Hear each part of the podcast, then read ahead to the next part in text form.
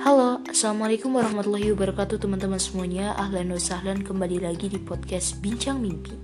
Hari ini teman-teman Pukul 1.41 waktu Indonesia Barat Dan aku masih belum bisa tidur. Alasannya adalah Bukan karena tidak tenang ataupun banyak pikiran Tapi karena memang belum ngantuk.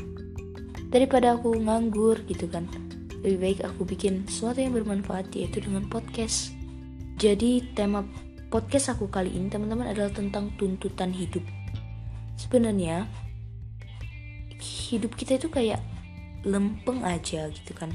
Tapi terkadang ada pressure dari luar, misalnya dari kehidupan pertemanan kita, kehidupan persahabatan kita mungkin atau tuntutan pelajaran di sekolah, tuntutan untuk berprestasi, tuntutan berorganisasi dan yang lainnya.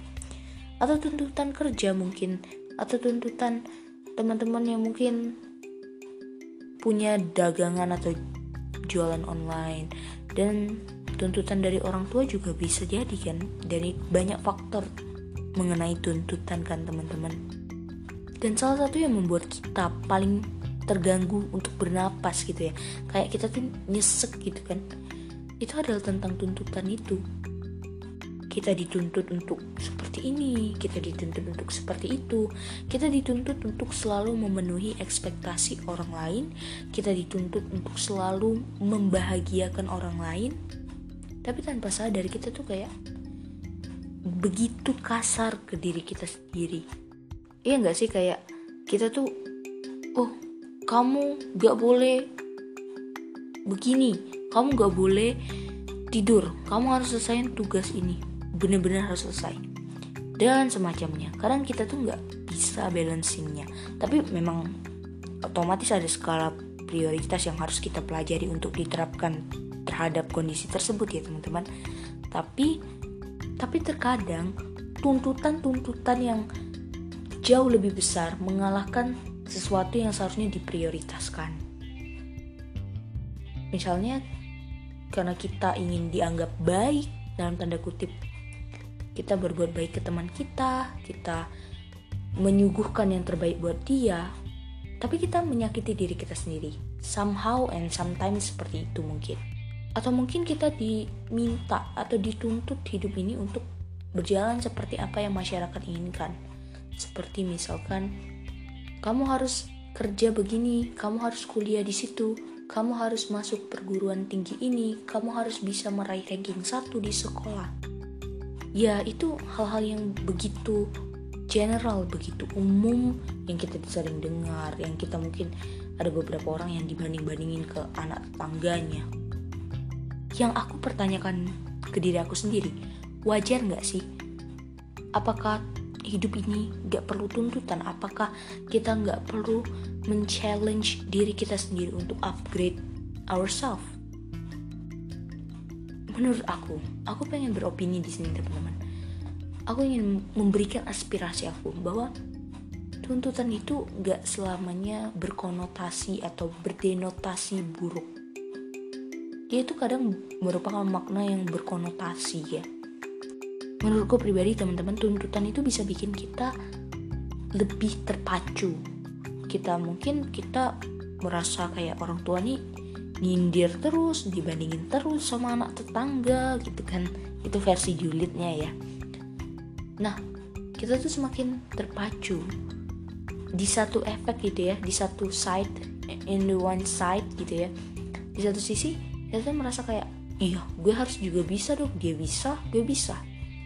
Dan di sisi lain ada yang menganggap bahwa orang tua gue ini toxic banget toxic parah orang itu punya definisi suksesnya masing-masing. Orang itu gak bisa disamaratakan hanya dengan perbandingan si dia. Dia sukses bagi dia seperti itu dan sementara aku aku berhak dong menentukan makna sukses itu sendiri. I do agree with that statement.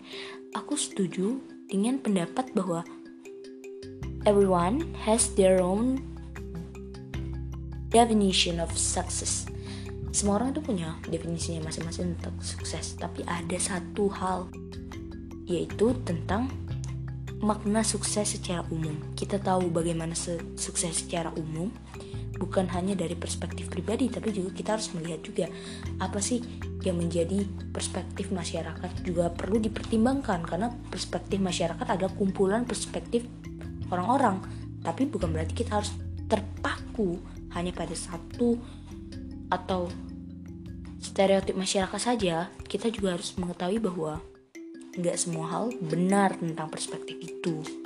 Tapi kita tuh jangan antipati gitu dengan tuntutan hidup. Kita tuh harus lebih bisa menurutku lebih bisa menikmati. Bahasanya terlalu berlebihan ya menikmati itu kan kayak you're enjoying your life. Ya kayak enjoy aja dengan kehidupan ini. Masalah ada ya ada kalau diuji ya bersabar kalau dapat nikmat ya bersyukur. It's literally best statement. Yaitu ketika lo dapat lo bersyukur tapi ketika lo diambil sesuatu dari lo lo bersabar. Itu benar banget. Tapi teman-teman bukan berarti kita harus diem aja mangut-mangut aja. Kalau teman-teman ya menghadapi tuntutan yang masuk dari pressure dari mana pun itu dari apa pun organisasi kah omongan orang kah? Dengan cara diam nerima ya udahlah inilah aku. Tapi kita nggak mau upgrade kita nggak mau ambil sisi benarnya omongan orang itu. Itu juga bahaya. Kita sebagai manusia itu butuh perspektif orang lain agar mengurangi sifat egosentris kita gitu loh. Jadi kita nggak harus kok gini-gini. Memang kita nggak harus begitu tapi kita juga harus tahu kenapa mereka mikirnya begitu kita harus pertimbangkan di sini kita perlu bijak jadi untuk tuntutan hidup menurutku di sini kita harus pandai dan jangan lengah dengan kata tuntutan atau makna-makna buruk lainnya. Ambil sisi positif dengan kata tuntutan itu kayak, oh ini semakin buat gue terpacu. Tuntutan hidup membuat kita semakin ber berkembang, membuat kita semakin kuat, membentuk jati diri dan pribadi kita. Bukan semata-mata hal yang buruk kok teman-teman.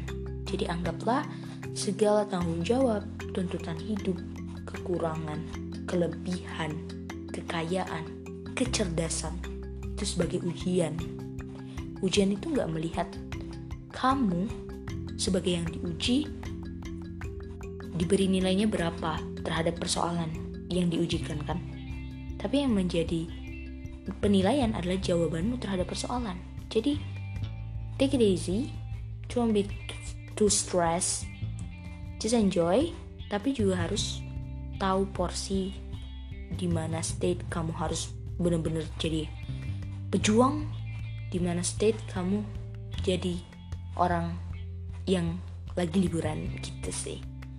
Nah gitu aja teman-teman. Mungkin untuk kesempatan kali ini.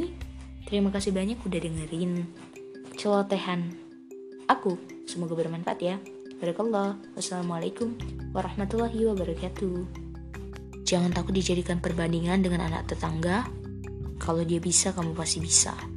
Kalau kamu gak bisa, ya gak apa-apa. Dia bukan tolak ukur utama.